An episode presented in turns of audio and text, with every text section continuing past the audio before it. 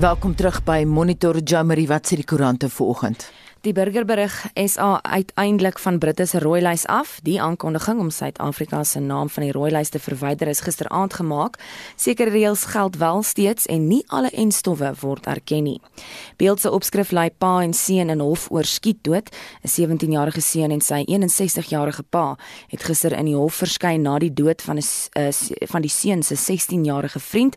Daar word beweer die seun het sy vriend met sy pa se vuurwapen geskiet toe die twee by huis in Midrand gekuier het vroeër in Julie. Daily Dispatch in die Oos-Kaap berig Lesseton Sportsfield a total waste of taxes. Die maatskappy agter die omstrede sportveld Talami Civils was glo nie die eerste keuse beer vir daardie tender nie. Dan the Mercury in KwaZulu-Natal wat berig oor die polisiekommissaris Kekla Setole wie se kop nou op die blok is. Die opskrif lui Inquiry into Setole's fitness for office. In Cape Times berig malaria vaccine breakthrough hailed. Die wêreldgesondheidsorganisasie het 'n enstof teen malaria goedgekeur. Dit word Mosquirix genoem en kan na bewering jaarliks 10000de sterftes weens malaria voorkom. Dan het Eskom gisteraand beerdkrag aangekondig. Sy het Afrikaners op sosiale media maak gereed vir 'n duister naweek. Beerdkrag sal vanaf vanaand 9uur tot môreoggend 5uur geïmplementeer word. Die hitsmerke load shedding en Eskom is gewilde onderwerpe onderwerpe vanoggend, so ook die hitsmerk Gwede Mantash dit nadat die minister van minerale hulpbronne ehm um, dit na sy uitlatings oor die oor oor die oorgang van steenkool na hernubare energiebronne. Hy sê dit moet nie oorhaastig gedoen word nie. Ja, dit is Jean-Marie met 'n nuusoorsig. 'n Opname deur UNICEF Suid-Afrika toon dat 65% van jong mense nie hulp soek wanneer hulle probleme met geestesgesondheid ervaar nie. Die statistiek vestig die aandag op die feit dat die jeug nie immuun is teen geestesprobleme nie. En dit laat mens wonder Hoe groot probleem is dit onder die jeug? Praat hulle daaroor? Praat hulle daaroor met hulle ouers en hulle gesinne en hulle families? En is jy bedag op jou kind se geestesgesondheid, moniteer jy dit en sal jy weet wanneer daar probleme is. Wat is die tekens? Wat sal jy doen om hulp te kry vir jou kind? Stuur 'n SMS na 45889, dit kos R1.50 of gaan na die Monitor Spectrum Facebookblad of WhatsApp stemnota na 076 536 69 076 536 6961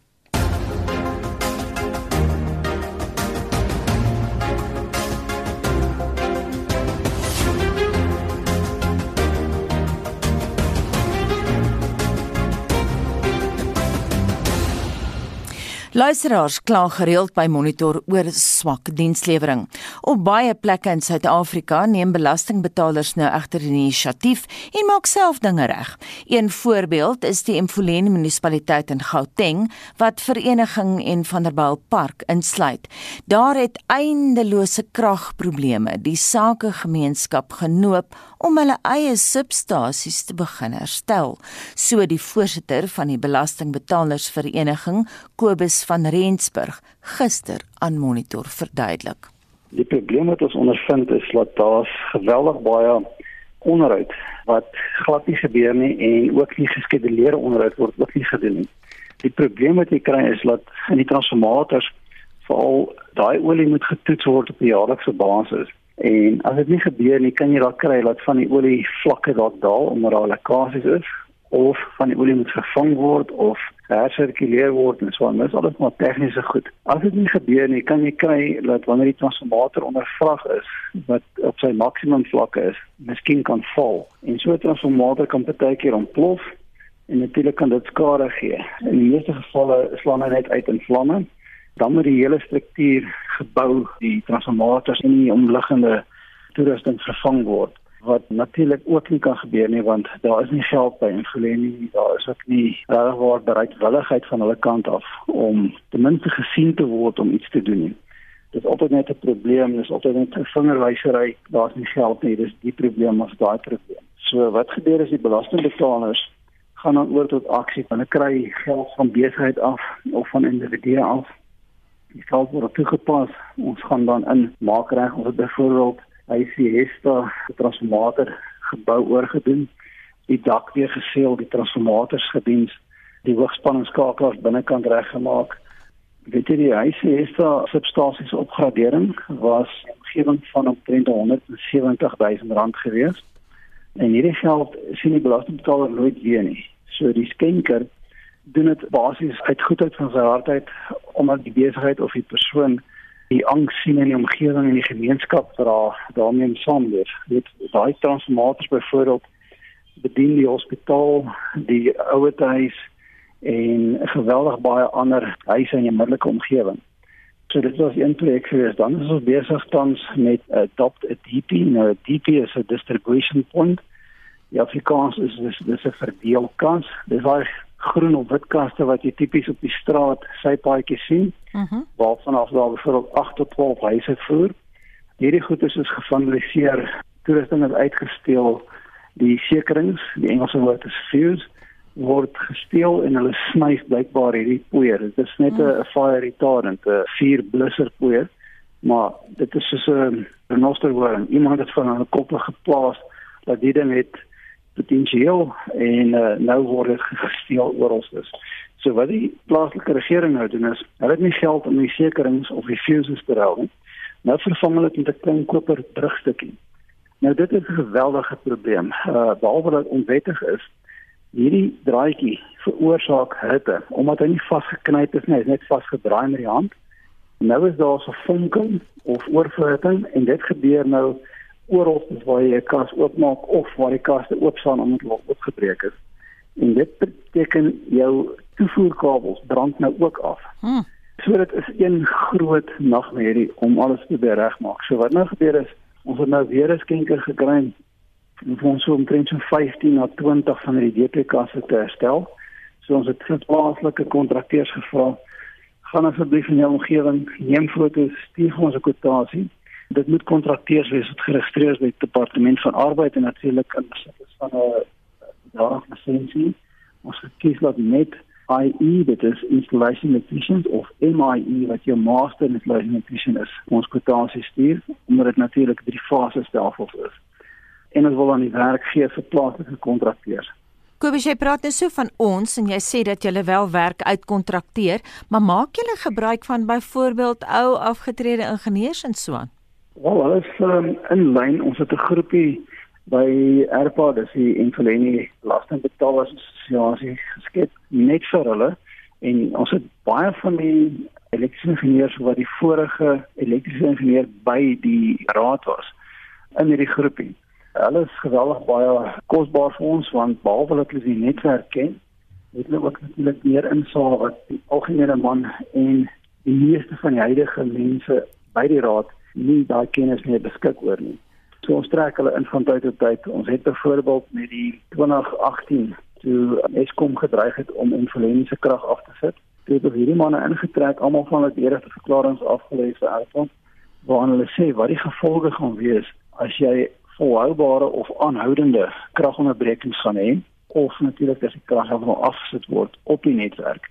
So hulle is bereidwillig om in te tree wanneer dit nodig is en hulle doen dit ook kosteloos. Alles wat hierdie belastingbetalers doen word is vrywillig.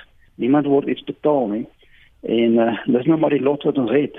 Jy betaal maandeliks jou rekening na Infoleni toe, maar jy kry geen diens nie. En daaroor het Erpa gegaan 'n webwerf geskep waarop jy die spiek kan plaas vir die dienste wat jy nie kry nie en dan jou geld kan terughou. Dit kom ook weer met 'n legio van probleme, maar ten minste is daar dan nou 'n papier spoor wat nagevolg kan word. As ons met hof toe gaan, dan kan ons daaraan ten minste sê ons het binne die raamwerk van die wet opgetree. Ons gebruik byvoorbeeld wet 32 van 2000 en ons gebruik byvoorbeeld die bywette van krediet en invordering waarop ons ons dispute staaf. Dan is daar so verskeie sosiale groepe soos op Telegram het ons byvoorbeeld 9 groepe gededigeer spesifiek vir diensleweringsaspekte so daar's 'n Telegram groep waar mense kan klagte lê byvoorbeeld vir water of freewall of mm. krag of strate of mm. portals selfs crime en so voort. Kobus, die feit dat julle so betrokke raak om julle eie omgewing beter te maak, het dit 'n effek op mense se moreel? Weet jy ja, ehm um, ek dink vir 'n projekkie waar ons ook besig is om te assisteer In uh, Vanderbilt Park het jy verskillende areas en hulle is ingedeel in die windrigtinge. So jy kry suid en wes en noord en oos. So in die suide kant kry jy die suidooste gedeeltes en die suidweste gedeeltes soos noem dit die SE areas of die SW areas. En dan is hulle weer opgedeel in 'n 1 2 3 tot by 10 of wat ook al. Nou ons het byvoorbeeld 'n SE3 gemeenskap wat hulle eie gemoniteerde toegangbeheerstelsel geloods het hier van Maart maand af. Hulle het al al die hekke en palisades en dinge op. Hulle het al toegemaak hier oor hierdie Julie maand se krisis toe die hele wêreld aan die brand gesteek is. Toe kon hulle daai hekke toemaak en net die vier hoofroetes was oop. So die beheer was beter gewees vir die patrolliegroepe wat ook deur volonteërs gedoen word, vrywilligers. Die raad het natuurlik teruggekom en gesê ja, maar ons het nog nie hierdie ding goedgekeur nie. Julle moet asseblief die hekke oopmaak of ons gaan dit kom afbreek. So die gemeenskap is baie seer gemaak en teruggevat dat die raad nie sien dat dit gaan oor die veiligheid en die beveiliging van die inwoners van daai area nie en dat die raad die wetgewing wil gebruik om hulle te sê maar is nog nie die raad goedgekeur maar intussen tyd is Enfoleni plaaslike munisipaliteit besig om elke liewe wet wat daar bestaan op die boeke te oortree elke sekonde van die dag deurdat hulle nie optree binne die raamwerk nie. Maar dit is 'n dubbelstandaard en natuurlik gaan hierdie gemeenskap alle druk toepas om hulle toegangsbeheer goedgekeur te kry. Jy moet bereid wees om vandag jou hand in jou sak te steek anders sit jy môre sonder infrastruktuur. En so sê Kobus van Rensburg, hy is voorsitter van die Belastingbetalersvereniging van die Emfoleni munisipaliteit in Gauteng. Vanjaar is daar meer as 1700 onafhanklike kandidaate wat aan die plaaslike regeringsverkiesing gaan deelneem. Een van hulle is Selma Kok van Parys, 'n burgemeesterskandidaat vir die Nguate munisipaliteit in die Noord-Vrystaat. Kok is 'n ou diplomaat wat jare lank in Frankryk en Nederland gewone gewerk het en ons praat ver oggend met haar. Goeiemôre Selma. Goeiemôre. Wat maak jou 'n geskikte kandidaat vir die amp van burgemeester? Well, ek woon al, ek is gebore in Parys, ek het hier groot geword, so my wortels is hier en ek het 'n passie vir my dorp en sy mense. En ehm um, ek is saam met 'n groep en ons is betrokke in hierdie dorp. Ons is nie fly by nights wat nou op eens op die toneel verskyn nie. So ons is besig in verskillende organisasies al in die dorp. So ons is nie onbekendes nie. En dit het ons gedruk. Ons het net gevoel ook in hierdie tyd in COVID, weet jy, ons wil ehm um, liever ook tyd met ons familie spandeer. spandeer. Ons doen baie dinge wat eintlik deur die munisipaliteit gedoen moet word. En daarom het ek my ook kandidaat gestel saam met ander mense wat soortgelyk gevoel het as ek. En ons is net gewone inwoners van die dorp. So Dit lyk vir my mense neem toenemend dinge in hulle eie hande. Ons nou gehoor dieselfde gebeur in Sedibeng. Maar is daar spesifieke probleme Selma op Parys waarop jy sou wou fokus? Daar seker probleme. Ehm um, ek dink in enige verhouding is kommunikasie baie belangrik en ons voel as inwoners ons is heeltemal uitgesluit uit die kommunikasie met die munisipaliteit en die raad. Dit is asof ons ehm um, ons het vir die mense gestem, maar hulle hoor nie ons stem nie. So ons het ehm um, infrastruktuurprobleme. Ons bly langs 'n rivier en ons het baie dae het ons nie water nie. Daar is mense in ons uh, swart woonbuurte wat al 10 jaar nie water het nie wat uit Jojo tanks moet water kry. En dit is ongehoord. Ehm um, gister was ons selfs op 'n plek ehm um, waar daar 'n reservoir staan, maar die Jojo tank wat daar onder staan is leeg. Hoekom 'n Jojo in 'n reservoir? Dit is dit is van die daaglikse probleme waarmee mense te kamp het. En sê vir my, wat dink jy gaan jy vermag teen kandidaate van groter partye? Jy het ook nie die luukse van 'n bemarkingspan nie. Ja, dit dit dit is seker. So ons kan nie groot plakate teen duisende rande op palle gaan sit nie. So ons het gebruik wat tot ons beskikking is en dit is veral uh social media het ons baie gebruik of ons gebruik dit nog steeds. Maar aan die einde van die dag is dit ook voetwerk en jy moet mense met mense praat en jy moet hulle vertel waaroor dit gaan. So en dit gaan vir ons oor die gemeenskap. En dit is wonderlik om te sien dat mense self inisiatief neem. Ons het ook gesê ons gaan nie beklei met politieke partye nie. Hulle doen hulle werk as goeie mense in alle partye. Hulle hande is net 'n bietjie gebind. Waar ons as 'n bietjie soos 'n naalloper, ons kan vinnig dinge doen. Ons het nie ons doen verantwoording aan ons gemeenskap. Ons doen nie verantwoording aan 'n politieke leierskap nie. So as die gemeenskap sê dit is vir ons belangrik, dis die prioriteite, dit is die waardes wat ons wil sien in ons gemeenskap, kan ons baie vinnig reageer daarop. So die verandering kan ongeveer dadelik begin. Selma het nou verwys na die feit dat Parysenaars woon langs die rivier, hulle dikwels nie water nie. Enige praktiese idees oor hoe om die saak op te los? Ja, ons wil graag ehm um, daar is 'n soortgelyke beweging in Empoleni. Ons het hulle al gesê julle beter nou die verkiesing wen dat julle iets aan die waterwerke kan doen. Hier is baie praktiese dinge. Eintlik is ons reg. Ek dink dit is 'n infrastruktuurprobleem wat ons het. Ons het baie asbespype in die grond en wat ons sou graag wil sien as as 'n organisasie is dat daar struktuur is en hoe hierdie dinge aangepak gaan word dat dit nie nou is dit net laswerk wat ons doen.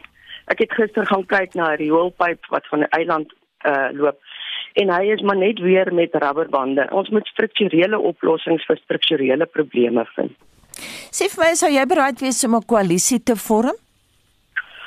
Ek dink dit is nog 'n bietjie as ek dit sou sê sal dit voorbarig wees. Ehm um, uh, ons begewe ons op 'n nuwe terrein, so ons moet kyk ehm um, wie ook verkies word en en waarvoor staan hierdie mense. Ons wil weg van nepotisme van eie belang en dat die, dat die gemeenskap weer op die voorgrond uh, kom. So dit is ons enigste doel. So wie ook al mense mee moet gaan praat of wil mee praat, sal ook dit as 'n doel moet hê. Same jy het nou verwys na die talle dienslewering probleme daar, maar ons kry dit dwars oor Suid-Afrika. Maar watter ander soort terugvoer kry jy van mense wat op Parys woon? Hier is baie inisiatiewe. Kyk, ons sit naby Gauteng, ons sit naby Potch Universiteit. Gister is ons organisasie weer uitgenooi deur mense van die gemeenskap om te kom brainstorm oor wat kan ons nog in die dorp doen. En ek dink baie van ons dinge is estetiese dinge wat ons doen, maar daar's ook onderliggende probleme in ons dorp. Ons het ehm um, 'n hoë uh, dwelmverslawing, jeugwerkloosheid mense wat later nie meer werk kan kry nie omdat hulle ja, nie die onder ondervinding of die opleiding het nie. Dit is werklike probleme wat aangespreek moet word. En wanneer ons protesaksies hou, dan is daar niemand eintlik wat met die wat uit die munisipaliteit uitkom en met die mense kom praat en vra wat is julle probleme nie. So daar is regtig daadwerklike probleme waarna gekyk moet word. Baie dankie en so sê Selma Kok, sy is 'n burgemeesterskandidaat vir die Nguati munisipaliteit in Noord-Vrystaat, ook 'n oud diplomaat en dit bring ons by 631.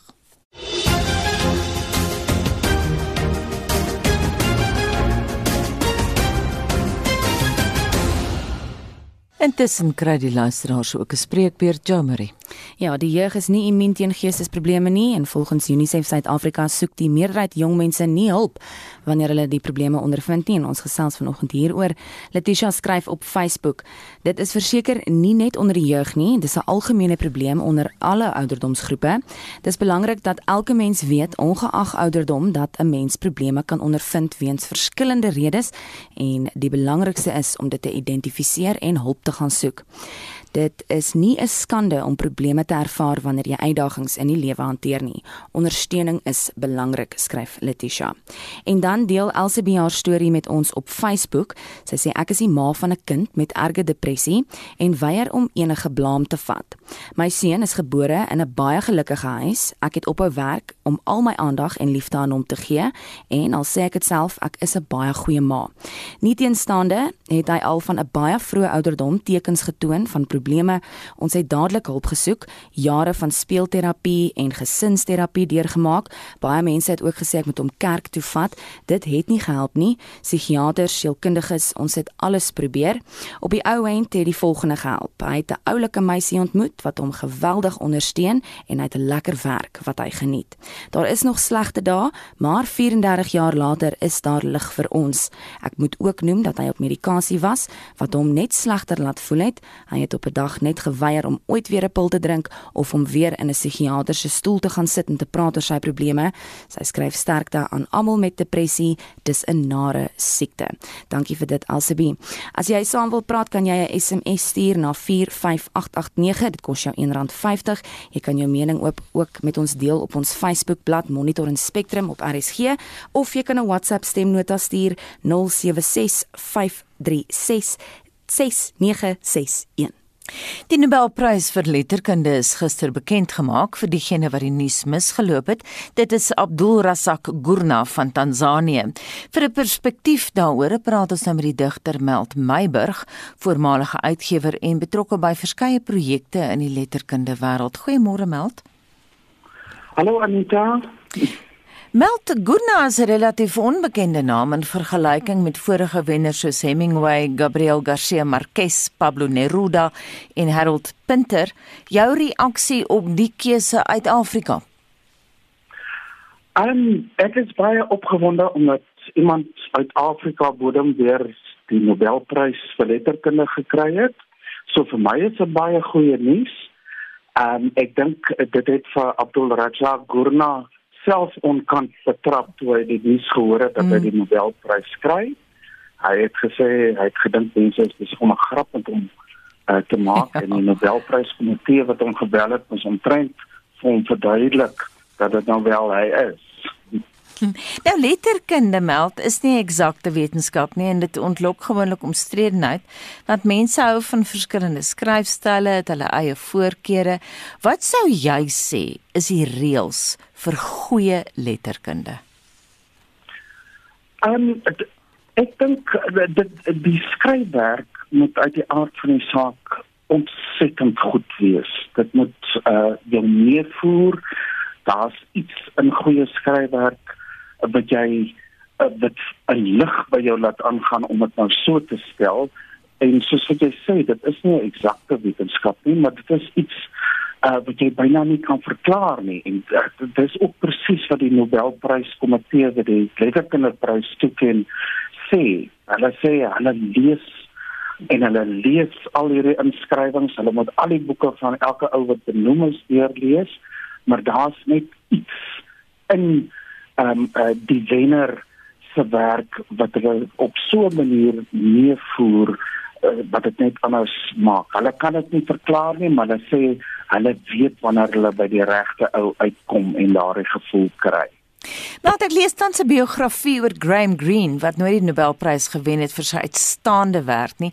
En in die biografie word gesê Greene het nooit die prys gewen nie omdat hy 'n Katoliek was en op daardie spesifieke tydstip was daar 'n sterk anti-Katolieke persoon op die keurkomitee. Hoeveel politiek is by die prys betrokke? Um die uh, Ek het ek is nie bekommerd oor die, oor hoeveel politiek by die prys betrokke is nie. Die uh, akademie wat die pryse toeken, ehm um, sê baie sterk en baie duidelik dit maak nie saak uh wie die persoon is of waarby die persoon betrokke is nie. Ehm um, dat hulle dit wel net vir die beste werk toeken. Maar alles uh, wat ons ken het eintlik maar met politiek te doen op 'n manier nie waar nie. En ek dink hierdie toekenning aan Abdul Razak Gurna um laat die lig weer val op of baie sterk val op iets wat vreeslik in die nuus is deesdae en dit is die vlugteling kwessie. Mm. En hy bied 'n unieke blik op die ervaring van uh, het uh, mense aan die ooskus van Afrika en spesifiek Zanzibar. Maar um, het, hy is gisteraand uitgevra hieroor oor hierdie juiste punt en um, of dit die feit dat immigrasie of migrasie en vlugtelingskap omdat dit so baie in die nuus is reg oor die wêreld deesdae toe was sy reaksie dat um, um, uh, vlugtelinge en immigrasie dat dit nog altyd deel van die geskiedenis was van die begin af dis maar net nou deesdae meer in die nuus omdat uh, dit uh, er, mense Europa en Amerika binnekom en mm. dit is nie wit mense soos meer opvallend in die meer onlangse tyd die immigrasie kwessie of die vlugteling kwessie maar hy sê dit was al um, vir honderde jare wat wit mense uit Europa uh, na ander dele van die wêreld beweeg het was dit nie so nuuswaardig nie Terug na Suid-Afrika. Suid-Afrika het daarom nou al James Coetzee en Nadine Gordimer as pryswenners opgelewer. Daar is egter ander skrywers soos Karel Skooman wat al verskeie kere genomineer is vir die Nobelprys sonder sukses. Watter Afrikaanse skrywer dink jy oor die prys te wen? Ek dink daar's 'n hele uh, klompie Afrikaanse skrywers wat sou kon kwalifiseer vir die Nobelprys en wat op 'n gereelde basis hopelik benoem word. Ehm um, kyk as almal die Nobelprys moes ontvang wat hom verdien, dan sou jy elke 3 dae die Nobelprys moes toeken. Maar dit is onmoontlik.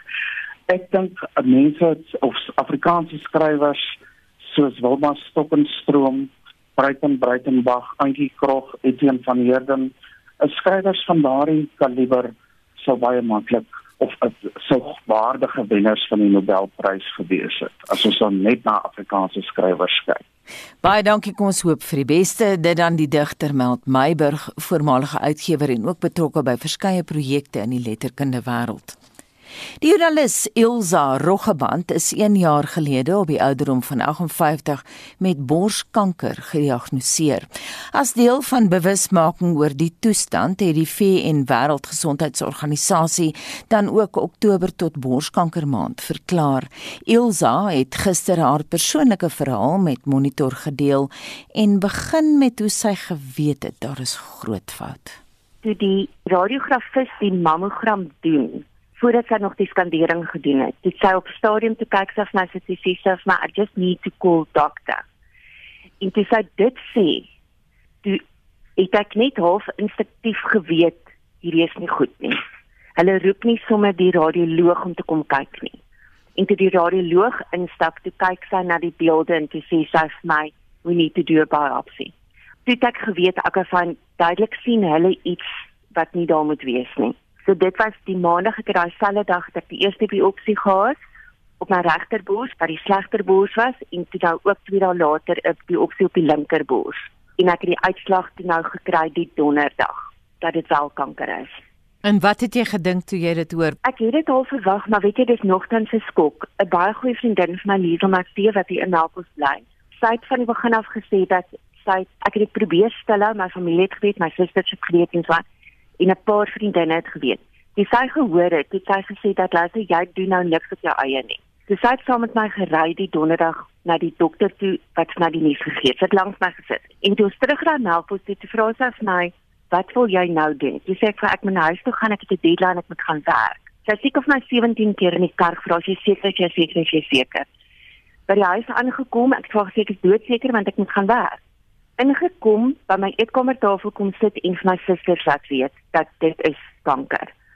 En terwyl ek sit my suster Louise het dadelik vir my gebel, ons het 'n bietjie gepraat. Toe ek die foon neersit, toe gaan ek aan die bewe dat ek omtrent nie my hand kan optel nie. En op daai stadium stel 'n ander vriendin aan sy man te sê, "Is jy okay?"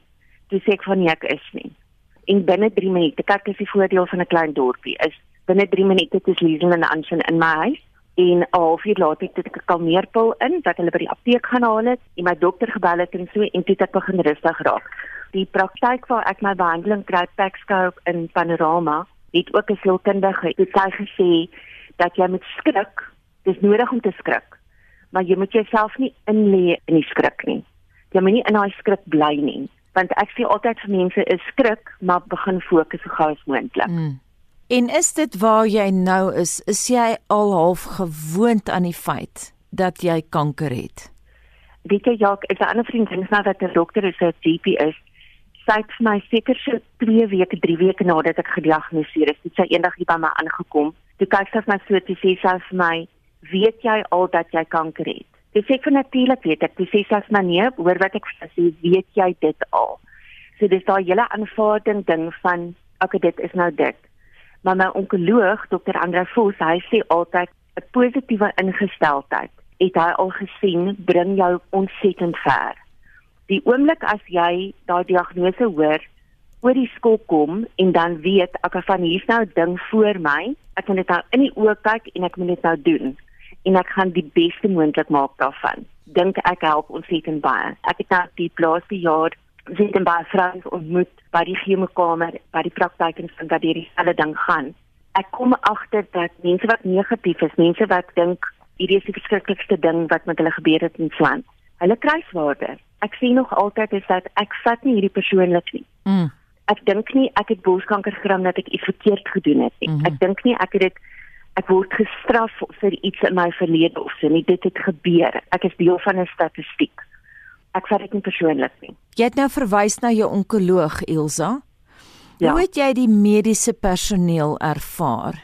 Het hulle baie ondersteuning gebied? Ontsettend, maar weet jy wat het met my gebeur? My GP in Melkbos, ek en myntjies ek dink die man loop op water, dit is fantasties. En die donderdag nadat ek in Liesel by die ginekoloog was wat my die nuus gegee, daar Vrydagoggend, terwyl Liesel vir my sê sas my, luister, jy sien vanmiddag kwart oor 3 vir Etienne mandjie want ek dink net jy moet met hom gaan praat. En dit was een van die beste goed wat ek gebeur het, raad wat ek vir mense kan gee.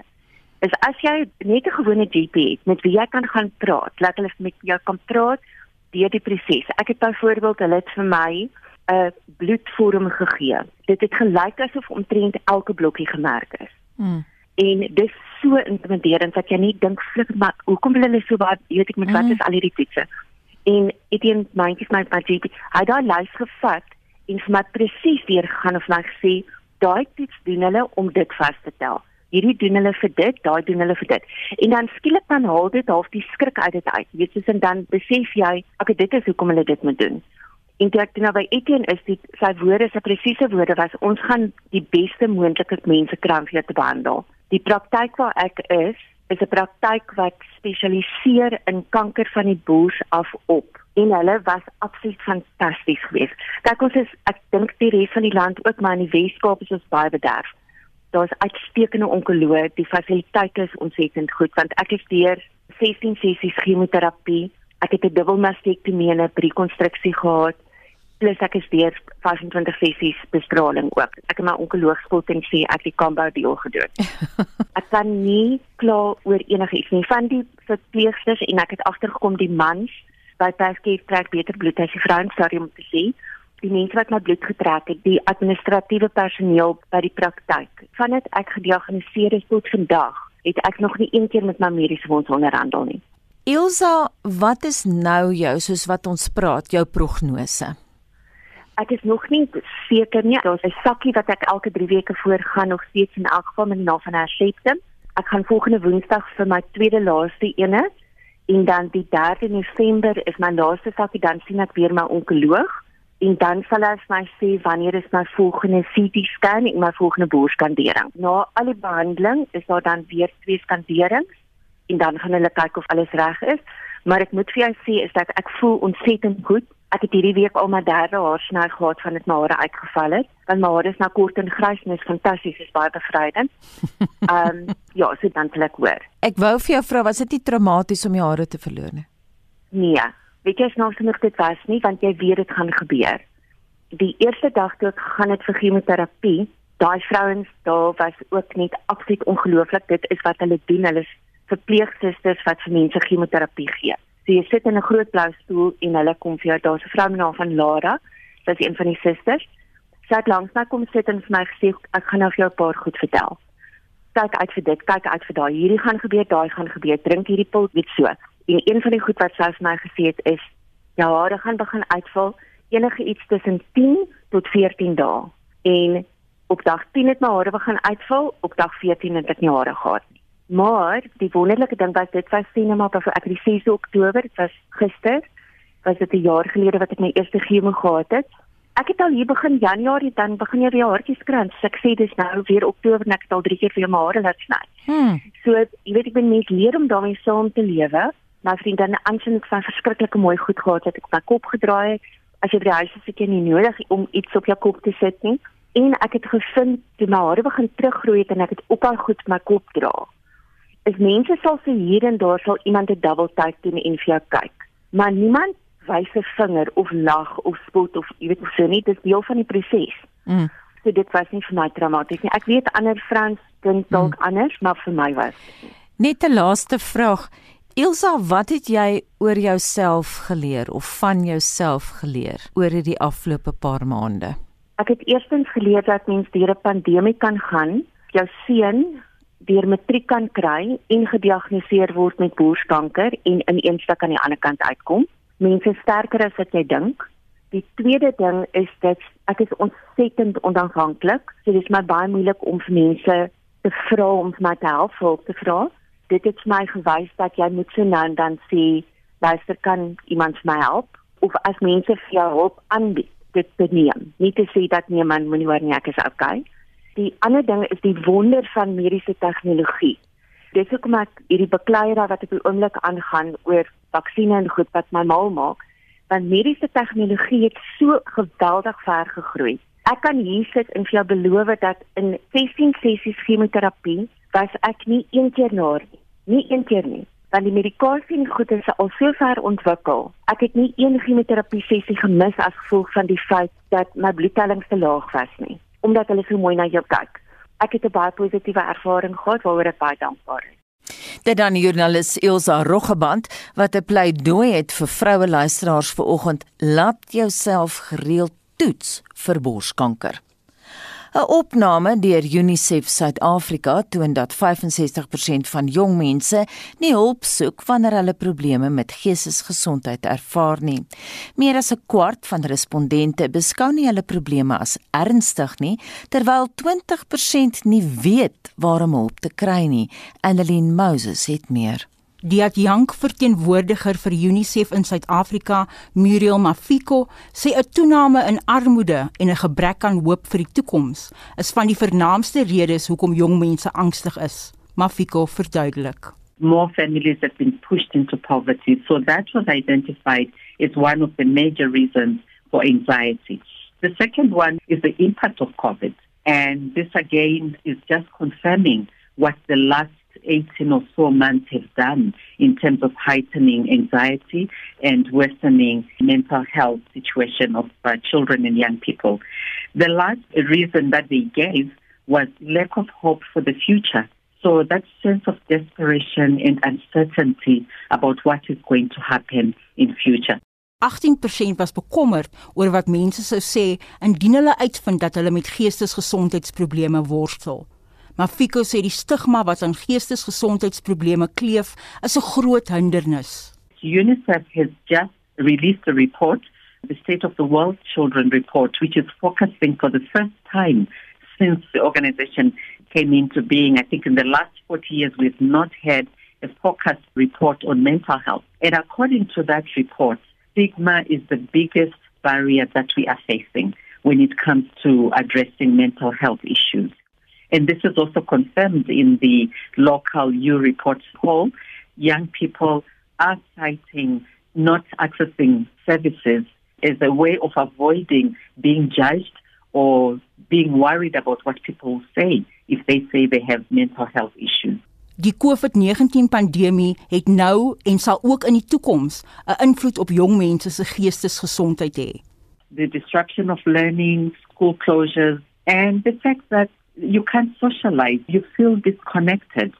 So that's why this time around, the global report on mental health from UNICEF is emphasizing promoting connections or reconnecting, the importance of making sure that people feel connected and that people feel they have a support system and that they're able to talk freely about what they're going through, talk freely about their anxieties without fear of judgment. So we actually have a, a campaign called On Your Mind. And through this campaign, we are encouraging people to talk openly about what they are going through.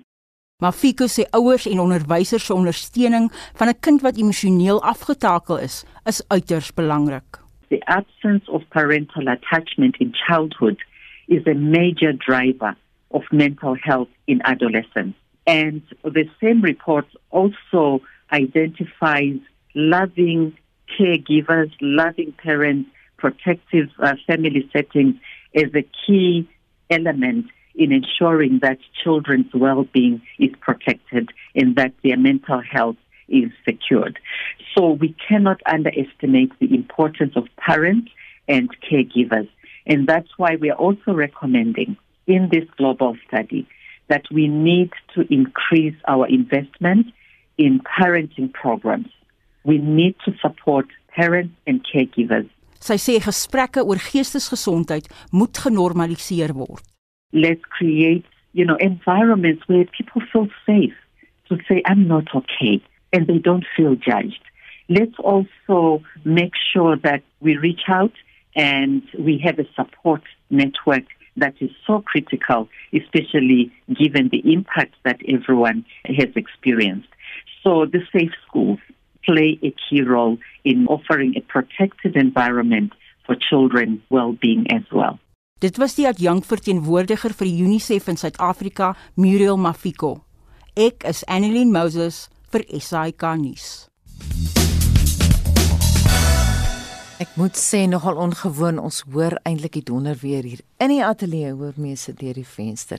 Jamie ons praat ver oggend oor geestesgesondheid onder die jeug en wat is jou terugvoer? Op Facebook skryf Chrissy die regering het omtrent alle geestesgesondheid fasiliteite gesluit en na wat met Life Esidimeni pasiënte gebeur het, sal enige iemand bang wees om hardop te sê ek maak iets. Dit is nie 'n skande om hulp te vra nie, dis dapper, dis die regte ding. Johan Oosthuizen skryf die opvoeding en leefstyl van jou kind van geboorte af uh, wat op 'n uh, latere stadium vererger. Ek is nie 'n dokter of 'n kenner nie, maar sien dit by soveel mense in my gemeenskap. Ouers moet verantwoordelikheid neem en kinders reg opvoed, 'n voorbeeld stel en hulle lei. Maar in die nuwe wêreld is alle goeie waardes verwaarloos. Dan skryf Edlin in my gemeenskap, die bruin gemeenskap, is die onderwerp taboe. Daar word gesê al wat jy kort is die Here, maar ons het 3 selfmoordgevalle gehad in ons gemeenskap en tot vandag toe het niemand nog 'n vergadering of 'n byeenkoms gehad gehad om geestesgesondheid te bespreek nie. Daar bestaan nie so iets in die brein gemeenskap nie. Die Suid-Afrikaanse Depressie en Angsgroep SADAG het 'n 24 uur tolvrye nommer wat jy kan skakel indien jy dalk oor psigiatriese probleme of geestesversteurings wil praat. Die tolvrye nommer is 0800 12 13 14. Baie dankie vir daai nommer. Ons sal hom later weer herhaal. Dit bring ons by die 7 uur nuus.